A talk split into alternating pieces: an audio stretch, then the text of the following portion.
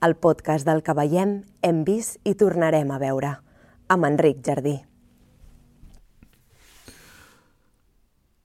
Avui no enllaçarem amb el tema del capítol anterior, sinó que farem un pas enrere i anirem a l'home de Vitruvi, el famós dibuix de Leonardo. Començarem amb una imatge que s'hi assembla i també parlarem d'una lletra, la capital romana, o potser us soni més el nom de Trajana. Més endavant veureu per què.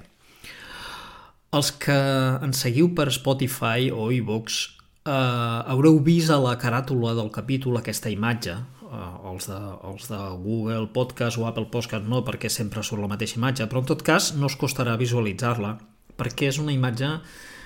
que haureu vist mil vegades. És una lletra majúscula envoltada d'un dibuix esquemàtic de línies que sembla que expliqui com, com s'ha construït. Bàsicament és un cercle, un quadrat i uns, uns eixos i uns cercles que marquen uh, com es fan els serifs i coses així. Aquest tipus de dibuix l'hem vist aplicat, per exemple, a logotips, eh, així una mica pretensiosos, com seria el de l'Acadèmia de les Artes i les Ciències Cinematogràfiques d'Espanya, que és l'entitat que atorga els, els Premis Goya, i ve a ser una mena d'imatge que vol reflectir com excel·lència, saber, tradició, etc. Però en realitat en realitat, què és aquesta imatge? Aquesta, aquesta lletra realment es construeix així. En realitat, els que feien aquesta mena de rotulació sobre pedra, la, la, la majúscula romana, en làpides, en façanes, en monuments, no feien servir aquests esquemes. Això és una cosa com si diguéssim inventada. Uh, rotulaven d'una altra manera. Uh, llavors, per què aquesta imatge està tot arreu? Per què la posem com a imatge així, de, de com si fos com es construeix la, la lletra i l'associem a l'excel·lència, a les coses ben fetes? Hi ha molts esquemes constructius com aquests, però concretament el que ens estem referint estan en una obra de Luca Pacioli que es troba en un llibre imprès que es diu De Divina Proportione, que va acabar d'escriure el 1497.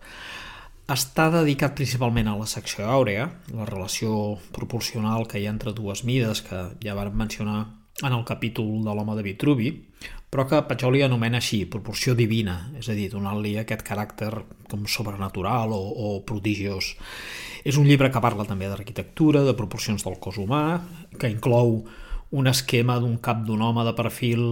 que conté també la, la secció àurea, i també hi ha una sèrie de làmines amb gravats que va fer Leonardo da Vinci amb figures geomètriques en volum, o els sòlids platònics i altres poliedres. Aquestes figures estan representades com a sòlids, és a dir, amb les capes que oculten la seva part interior i també construïdes en esquelet, és a dir, que amb els, els vèrtex són, tenen un cert gruix però es veu la, la, la part interior. És una manera molt original d'ensenyar perquè estem veient com és l'objecte des de diferents punts de vista que amb un objecte sòlid no, no podríem veure. Um, aquesta obra, com moltes del pensament renaixentista, estan influïdes pel neoplatonisme. És a dir, Plató, en aquest cas, agafant l'obra de Plató, associa cadascun d'aquests sòlids que són cinc amb els elements de, de la terra, els clàssics de la terra, l'aire, l'aigua i el foc, i el cinquè, el dodecaedre, el relaciona així una mica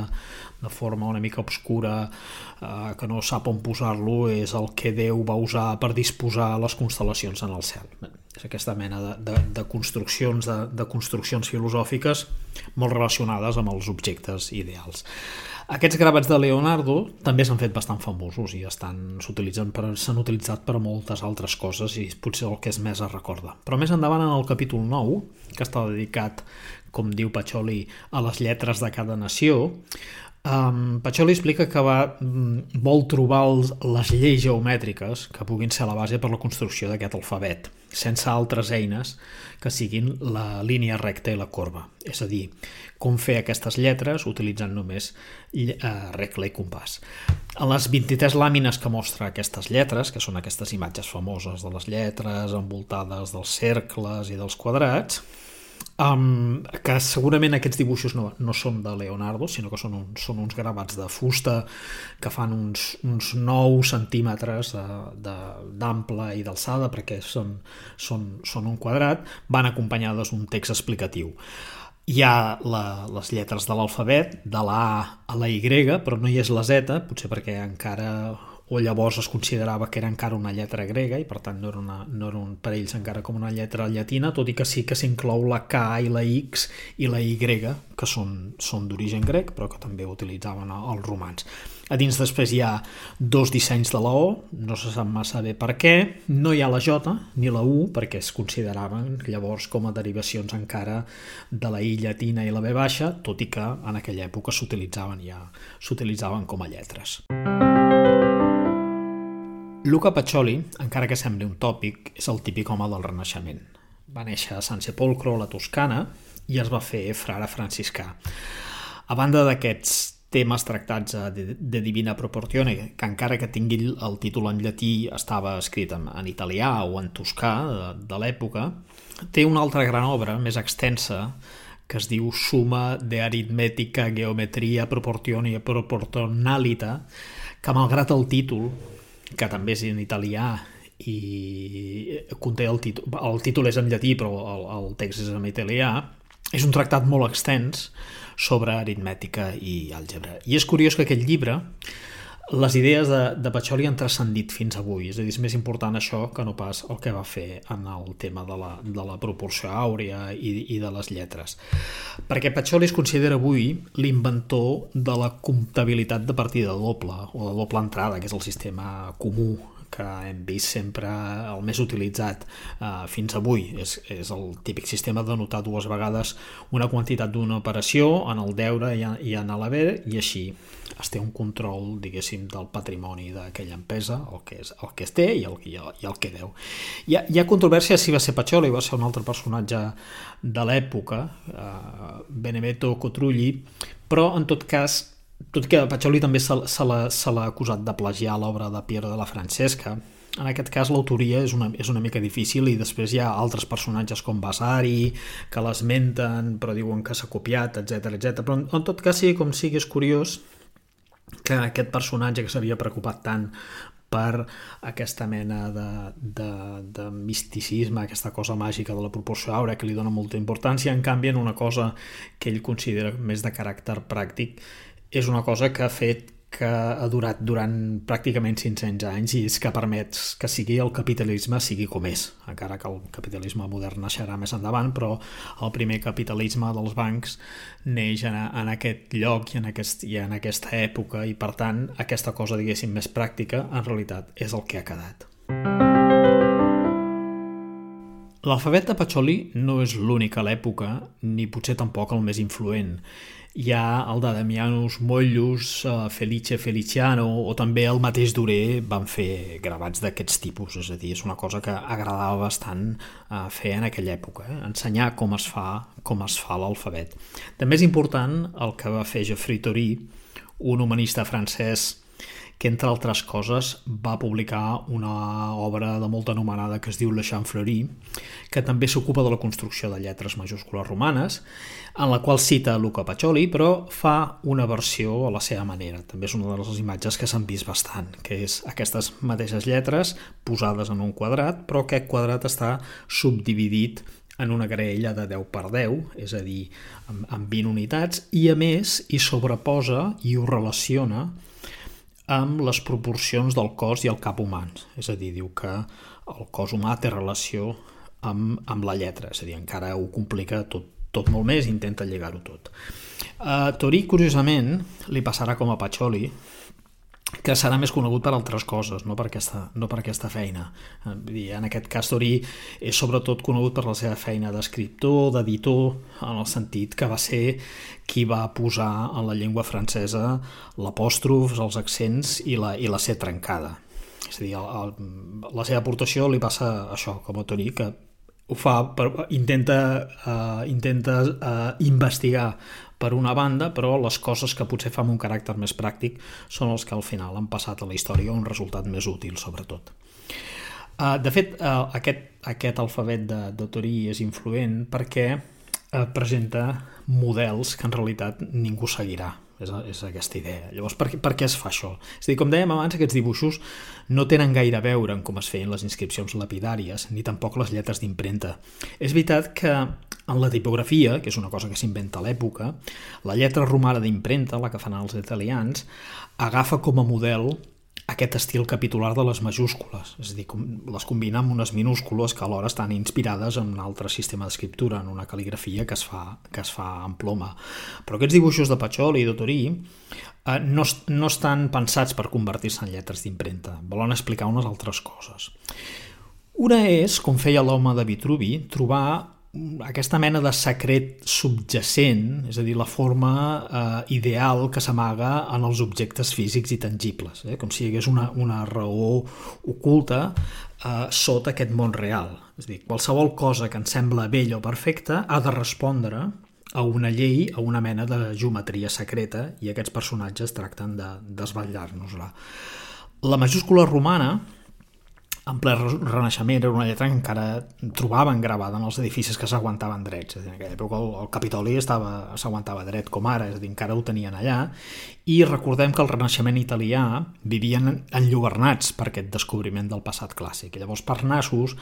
aquestes formes havien de tenir una raó que expliqués la seva perfecció. És a dir, allò era tan bonic que necessàriament necessitava alguna cosa, algun secret darrere que ho expliqués. I si pogués ser, aquesta, aquesta raó havia d'estar relacionada amb el cos humà, amb les esferes celestes, amb els solis platònics, tot, i, tant, i tantes altres coses. Eh? Aquest és, és l'esperit, diguéssim, de la ciència o de la investigació de l'època. L'altra raó per la que es fan aquestes lletres és una cosa molt, molt típica, molt humana, que és fer pautes, és fer normes. És a dir, és una cosa que encara avui fan els dissenyadors gràfics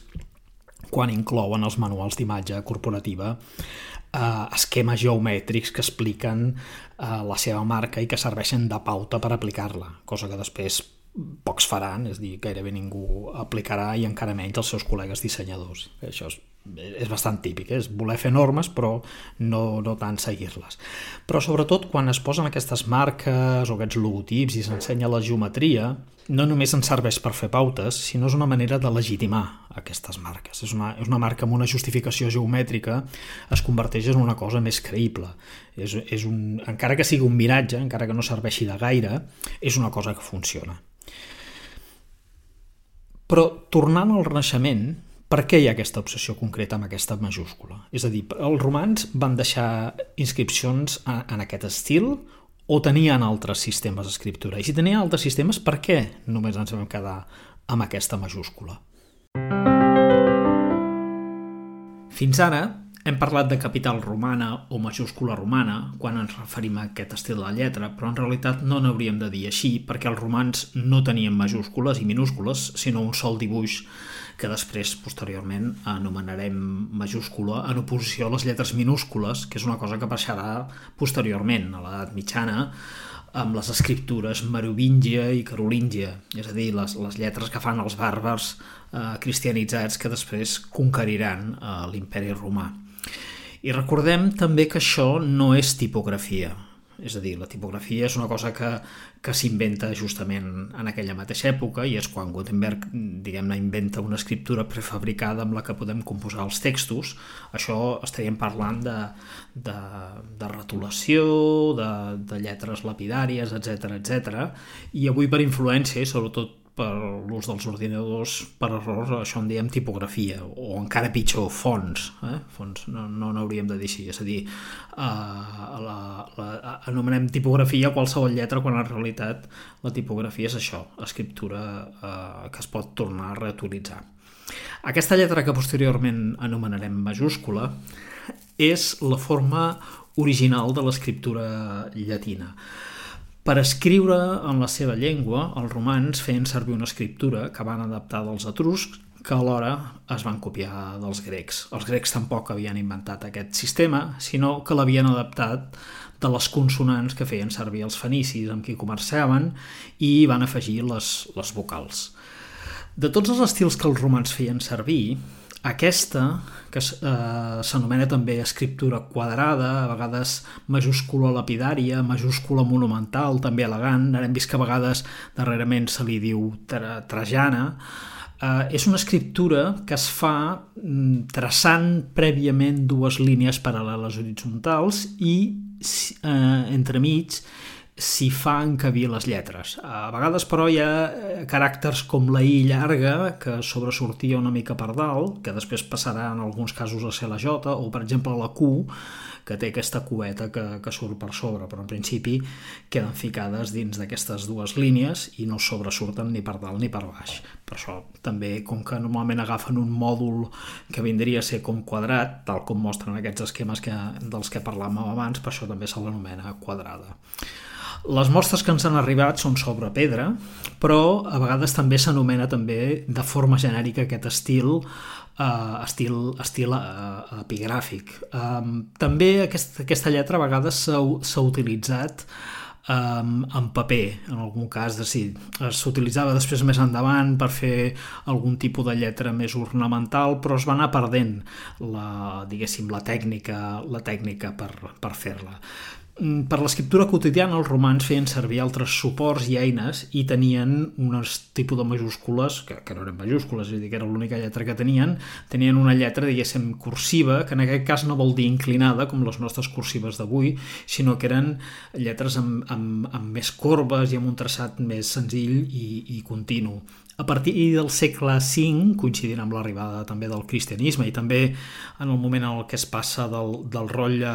al, al, al llibre, es comença a utilitzar un altre estil més arrodonit que s'anomena uncial. És a dir, els romans en realitat no, no escrivien sempre amb aquesta majúscula ni molt menys. Aquesta és una lletra que sobretot s'utilitza a l'època imperial. Aquesta majúscula, però, seguiria utilitzant-se en superfícies dures com la pedra i fusta, i, i també amb el temps, com dèiem, a vegades també s'utilitzarà més endavant en, en, en paper i algun altre tipus d'escriptures, de, de, però passarà a ser més endavant, quan aparegui la lletra, la lletra romana d'impremta, passarà a ser el model en el que s'inspiren per fer les majúscules. Això no és el cas, per exemple, de la gòtica que va fer servir Gutenberg o de les altres gòtiques que després més endavant es van fer servir, sinó que aquesta, aquesta majúscula el, li seguim anomenant com majúscula, encara que originalment no sigui majúscula, perquè no tenien ni majúscula ni minúscula, però la seguim anomenant majúscula perquè al final és la majúscula que ens ha quedat en, la, en les nostres tipografies romanes que seguim utilitzant avui en dia. Avui els nostres ordinadors tenim versions tipogràfiques d'aquest estil de lletra. Eh? A banda d'aquestes romanes tenim algunes que imiten aquest estil epigràfic antic, Uh, i la més popular segurament és la que es diu Trajan, que és de la foneria Adobe, i Adobe és la mateixa companyia que té el programa de retoc d'imatge Photoshop o els que van crear el llenguatge PostScript i el format dels, dels, dels PDFs. La, la tipografia Trajan va ser creada el 1989 per Carol Twombly, que és una dissenyadora de la casa, i com totes les fetes per l'equip d'Adobe, que a banda de tenir uh, a banda de tenir un equip que fa software, en té un altre que fa, que fa tipografies, és, és una tipografia excel·lent. Eh? Tota la, uh, és una foneria que, que des del començament es van ocupar de fer tipografies i que n'han fet de molt conegudes i molt, i molt utilitzades, però que sigui molt bona no vol dir que sigui 100% fidel a les lletres romanes originals. De fet, si ho fos, no podria ser una tipografia útil avui, perquè, entre altres coses, Twombly eh, es va haver d'inventar tot un devessall de caràcters que no existeixen, que no existien llavors, com són els números àrabs o puntuació, etc etc. Per tant, la tipografia Trajan no deixa de ser una cosa útil que està basada en aquesta, en aquesta lletra en aquesta lletra més antiga que ara veurem d'on ve. A banda d'això, Trajan probablement sigui tan popular perquè ve instal·lada als ordinadors Macintosh i en, algunes, i en alguns programes d'Adobe de forma gratuïta. I també pel fet que transmet, com si diguéssim, aquesta grandesa, no? aquesta, aquesta gravetat que al costat dels estils més moderns fa que sigui perfecta per coses que tenen un caràcter així com, com èpic, no? una, cosa, una cosa perdurable. Això ha fet que, per exemple, ens la trobem en multitud de cartells de cinema i en sèries de televisió i la veureu aplicada eh, en títols que ni tan sols són temes històrics. Si feu una recerca a YouTube i poseu Movie Poster i Trajan, veureu com ha donat de si la cosa i que a més ja és un tema eh, entre els dissenyadors que fa, que fa bastanta gràcia. Però per què li van posar el nom de Trajan? Trajan és el nom comercial d'aquesta tipografia perquè basa la seva forma en la inscripció que es troba a la base de la columna trajana o columna de Trajà, a Roma. És una columna de 38 metres d'altura que es troba el que havia estat el fòrum de Trajà, l'últim fòrum imperial que es, va, que es va fer a Roma, davant del que havia estat també el temple dedicat a aquest, a aquest emperador, que en aquell moment doncs, es considerava diví, tal com li corresponia als emperadors a partir d'un moment determinat, i té aquesta alçada de 38 metres perquè, tal com diu la, aquesta placa, és, és l'alçada que tenia el turó en el mateix lloc eh, abans de, de construir-ho. Però la columna no commemora la,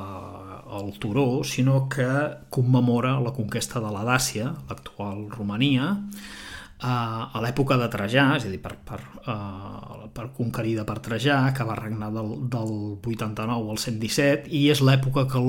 l'imperi romà havia arribat a la seva màxima extensió. És per això que aquesta lletra l'anomenem, o a vegades se l'anomena també lletra imperial, perquè és, diguéssim, la, la lletra de, del moment o la lletra que més s'utilitzava en, en l'època imperial. I és per això també, no, no per, la, per la tipografia, sinó pel fet que és llavors que es va conquerir la Dàcia, que els romanesos avui parlen una llengua romànica com, com nosaltres. Avui, a dalt de tot de la columna, si aneu, no hi ha Trajà, com hi havia originalment, sinó que hi ha una figura de Sant Pere que va fer posar el papa Six V al segle XVI, i el que és notori és que la, la columna està envoltada d'un baix relleu que la recobreix en espiral i que es pot seguir de baix a dalt. I s'hi mostra en 200 metres lineals més de 2.600 figures que estan dividides en 155 escenes, que són com, com vinyetes o plans de cinema que expliquen la conquesta de la, de la Dàcia, no? incloent-hi el mateix emperador Trajà que hi apareix 58 vegades. Encara avui segueix sent un misteri per què es va construir una narració tan detallada d'una història que no es pot seguir tret que muntéssim una vestida i ens hi anéssim enfilat girant fins amunt, és a dir, és una cosa que no es pot veure des de lluny, no es pot, veiem les figures però no, no, no podem veure bé què, què hi passa, però tot i aquesta idea, cosa absurda de representar aquestes figures que no es poden veure, aquest monument serà un model que s'imitarà en altres casos. En, el, en la mateixa Roma hi ha la columna de Marc Aureli, que a diferència de la de Trajà mostra més elements fantàstics i religiosos, i les escenes representades no estan en ordre cronològic. O, o anys més tard, per exemple, si aneu a París, podeu veure la columna de la Place Vendôme feta per Napoleó, feta construir per Napoleó, que, que seguirà més o menys el, el mateix model. A la base d'aquesta columna hi ha una, la placa de marbre que fa gairebé dos metres i mig d'ample per un metre d'alt, que està retolada amb el que ha estat considerat aquest estil de, de capital romana, la majúscula quadrada, la trajana, etc. És, per als arqueòlegs prefereixen dir-ne majúscula imperial, del com deia, o els cal·lígrafs i els, i els tipògrafs en diuen, en diuen trajana. Per descomptat, aquesta mostra de lletra no és un cas únic. Eh? Hi ha moltes inscripcions d'aquest estil, no només a Roma, sinó per tot l'antic imperi romà romà i només que aneu al Museu Arqueològic de Tarragona, ja sabeu que Tarragona és una ciutat que el seu apogeu va ser a l'època imperial, doncs veureu moltes làpides en exhibició amb aquesta, amb aquesta lletra. Però, per les raons que sigui, aquesta mostra, la que hi ha a la placa de la, de la columna tarjana, ha estat considerada durant segles com la referència i també és el model que van fer servir ja, des, ja en el segle XX, que és, és la que va permetre saber com es dibuixava eh, aquesta lletra i justament el que es va veure és que no es feia amb regla compàs tal com deien tots aquests models que havíem vist en el Renaixement. Si visiteu avui la columna, veureu que a la banda inferior li falta una part en forma de triangle, que és fruit de la instal·lació d'una tauladeta que es va fer posar eh, per cobrir la porta d'entrada que està justament a sota, i el text de la placa descriu el motiu del monument i a qui es dedica. Està retolat naturalment en majúscules, sense separar les paraules i només amb una mena de punt volat, com el nostre de la, de la L geminada, eh, entre paraules. Llavors, l'espai entre paraules en realitat és una cosa que no apareixerà fins al segle VI i VII i llavors en un sistema de paraules agrupades amb sentit sintàctic i més endavant, llavors sí, ja hi haurà la separació de, de paraules per blancs, especialment ja en els llibres i sobretot en aquells llibres que es necessitaven llegir en veu alta, però fins llavors no es considerava necessari separar les paraules o marcar-ho o marcar també. De passar que ja quan estem en l'època del llibre, els llibres serveixen per ser llegits en veu alta, hi ha poca gent que els llegeix i sobretot molts dels llibres són llibres de litúrgia i per tant han de ser útils en aquest sentit. A sobre dels caràcters, en la placa hi ha una línia superior d'alguns caràcters, hi ha una línia superior per distingir els números, que com ja sabem pels romans eren lletres, i les lletres estan disposades de manera que ocupen tot l'ample de, de la placa, és a dir, està, com dirien avui, justificat, de manera que algunes línies estan més espaiades i les altres estan, estan més juntes. I això és una cosa que en realitat avui seguim fent quan rotulem amb lletra romana en majúscula. És a dir, la lletra romana en majúscula li donem a vegades una miqueta més d'espai, sobretot amb títols i coses així que tenen un caràcter una miqueta més ornamental o d'inici, però és una cosa que no hem de fer amb les minúscules, ja que les minúscules provenen d'una lletra cal·ligràfica lligada que té un altre sentit. No és perquè sí que el baix relleu que hi ha més amunt que narra la conquesta de la Dàcia i que envolta la columna es llegeixi d'esquerra a dreta. Estem en un moment de la història d'Occident on l'escriptura no és un sistema comptable i privat, sinó que forma part de la manera com s'ha desenvolupat l'Estat. De la mateixa manera que l'escriptura llatina és d'esquerra a dreta, la narració visual a partir d'ara, ja farà un cert temps, i fins avui serà sistemàticament d'esquerra a dreta també, com a mínim en la nostra cultura.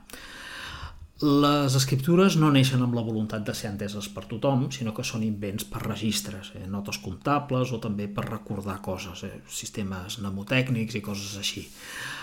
És després que en algunes cultures es tornen accessibles a tothom i es modifiquen amb aquesta idea. S'hi van afegint coses perquè la gent les llegeixi millor, com això que hem vist abans de l'espai entre paraules.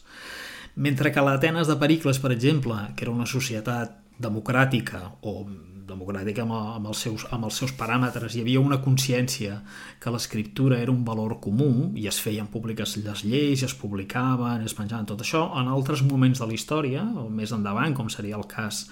de l'imperi romà, la escriptura s'utilitza de forma, diguéssim, més autoritària, és a dir, de dalt a baix. Això vol dir que es posen monuments amb plaques commemoratives a les façanes perquè tothom pugui llegir i veure la glòria dels, dels que són honorats, diguéssim. No? Els monuments grecs no hi ha tanta, no hi ha tanta lletra, i en tot cas la que trobem és eh, en l'obra feta pels romans, sigui en, en grec o en llatí. D'aquí també que en gran part de les inscripcions públiques que trobem siguin en tombes. A la segona meitat del segle IV es va començar a escriure el nom del difunt allí on se l'enterrava i més endavant en estendre's aquest costum es va normalitzar el que eh, avui encara tenim que és el dret a la mort escrita. És a dir, ser enterrat anònimament és des de llavors una cosa eh, terrible. No? Els primers cristians eh, van extendre aquest dret a tots els creients, mm, tot i que posteriorment el dret a tenir nom després d'alguna manera es va fer enrere i va quedar a les personalitats. Però eh, avui seguim tenint aquesta idea de l'escriptura com per recordar qui hi ha allí. I fins i tot en monuments funeraris on cenotafis, és a dir, que no hi ha el cos del, del, del mort, tenim, uh, tenim escriptura, és a dir, és important deixar escrit el nom, el nom de la persona. I de fet, si heu visitat Roma, mm, el que heu vist és que hi ha plaques funeràries per tot arreu i de totes les èpoques. Per tant, és, és aquest funció, aquesta funció de l'escriptura que fa que en ser pública hagi agafat una forma eh, que no és la forma cursiva que trobaríem en documents o que trobaríem en coses més de caràcter comptable o d'anotacions. L'inscripció de la placa de la base de la columna trajana no només és important perquè estava considerada com el model perfecte de capital romana, sinó perquè va ser precisament aquesta la inscripció que va permetre resoldre un misteri històric que és l'origen del serif. El serif, recordem-ho, són aquestes putetes que hi ha al final d'alguns traçats de la lletra romana i que en alguns casos fan de peu que es recolza a la línia base o en altres ramats de la lletra. Com que la tècnica per retolar sobre pedra amb aquest estil s'havia perdut fa temps, estem parlant ara de nou en el Reixement, no se sabia per què els romans feien aquest acabat. El serif no és exclusiu de la lletra romana, el primer serif conegut, de fet, no és romà sinó grec, és una dedicatòria a Alexandre el Gran del segle III que està a Pirene, a l'actual Turquia. eh, però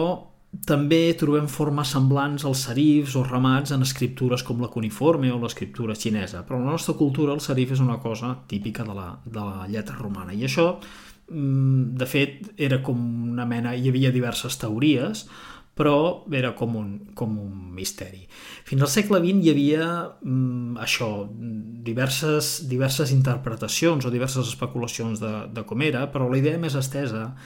era que eh, primer la lletra es dibuixava amb una canya, com, és a dir, com gran part de la cal·ligrafia que es feia, i després aquest ramat era una mena d'ornament que afegia després en el moment de cisellar-la, que potser no era la mateixa persona que ho feia i era com una mena d'acabat que li donava. També hi havia la teoria que era un acabat que es donava per contindre l'aigua de la pluja, que això és una cosa que en algun text apareix, i després també hi havia aquesta confusió amb aquests dibuixos. És a dir, els dibuixos del Renaixement el que fan és donar a entendre que la lletra es dibuixava per contorn, que es planificava a partir d'una modulació, es feien unes corbes, per exemple, per marcar els serifs, unes corbes exteriors que es feien en compàs, com, com es veu en l'esquema aquest de la lletra, i després es dibuixava per contorn, que és el que li donava aquesta, aquesta suposada perfecció. L'enigma del, del serif el va resoldre uh, Edward uh, Carrick, un sacerdot catòlic nord-americà d'Iowa que del 1975 al 1970 va estudiar diverses inscripcions a Roma i especialment la de la placa de la base de la columna de Trajà. Per estudiar la lletra va servir com tothom feia en aquell moment i llavors, el calc per fregament, que és la tècnica més comú en epigrafia, i, i això és uh, uh, l'estudi, diguéssim, de, de, de descripcions sobre materials durs com la pedra, que consisteix en posar un paper sobre la peça i fregar-hi una cosa sobre que pinti, com un carbó o un llapis, i tal com hem fet alguna vegada amb un relleu d'una moneda, per exemple els arqueòlegs, diguem, és, és, és la manera, com podríem dir-ho així, d'endur-se la feina a casa. És, és absolutament fidel al que, té, al que té a sota. Càric, a la seva obra, que va titular The Origin of Serif, per tant, no podia ser més clar, descriu eh, com és aquest estil de lletra que es dibuixava primer amb un pinzell i descriu les parts que es descomposaven en el tras de la lletra. És a dir, la idea revolucionària o, o, o, la, o la gran revelació, diguéssim, va ser que això es feia un pinzell i que els serifs no eren més que una pinzellada més i per tant no era un dibuix que es dibuixava per contorn, no es dibuixava la lletra per contorn, sinó que era una pinzellada més i no era un afegit posterior fet amb el cisell. L'ús del pinzell també explica la diferència de gruixos i la manera com es distribueixen en cada caràcter. Per exemple, si mirem una lletra A majúscula d'una lletra romana, veurem que el traç de l'esquerra és més fi, mentre que el de la dreta és més ample. Tots dos són traços fets de dalt a baix i amb la mateixa eina, però la posició del pinzell i la manera com l'agafa qui retula fa que quedi un més gruixut que l'altre. Eh, això és el que en tipografia s'anomena contrast, eh, la diferència de gruixos. Eh? Veuríem molt estranya una lletra A amb els gruixos invertits, és a dir, com si féssim, com si féssim un mirall, encara que no sabéssim explicar per què, ho veuríem estrany. Per tant, nosaltres, eh, llegint la lletra romana, d'alguna manera ja hem assumit o ja entenem que la distribució dels gruixos és aquesta que hem anat, que hem anat veient sempre. La qualitat, l'ordre i la direcció dels traços és el que determina la forma de les lletres, tant les que tenen origen epigràfic, com són les majúscules de la lletra romana, com les minúscules que estan fetes amb canya o ploma, eh, posteriorment. Llavors, eh, el, aquest, això és el que els cal·lígrafs i els tipògrafs anomenen ductus, que ductus és el, és el, participi, és el participi del verb llatí ducere, que vol dir conduir o portar, que és d'aquí on ve el, el, el verb dur. I a partir d'aquí també, a partir del treball de Càric, avui en dia a les escoles eh, juntament amb altres cal·ligrafies s'ensenya la majúscula romana que es fa amb pinzell. És a dir, quan veieu aquests esquemes de lletres tan imponents i tan detallats i tan científics de les lletres romanes, que sapigueu que això és un miratge i que no, que no era així, i que la lletra, com sempre, és una cosa que neix d'un traç i no d'un dibuix fet amb regle i compàs. I que això, en realitat, encara que ens sembla avui molt evident, va costar cinc segles esbrinar-ho.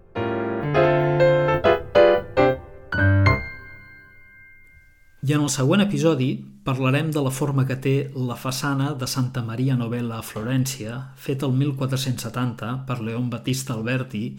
i com es relaciona amb alguna de les coses que hem parlat aquí.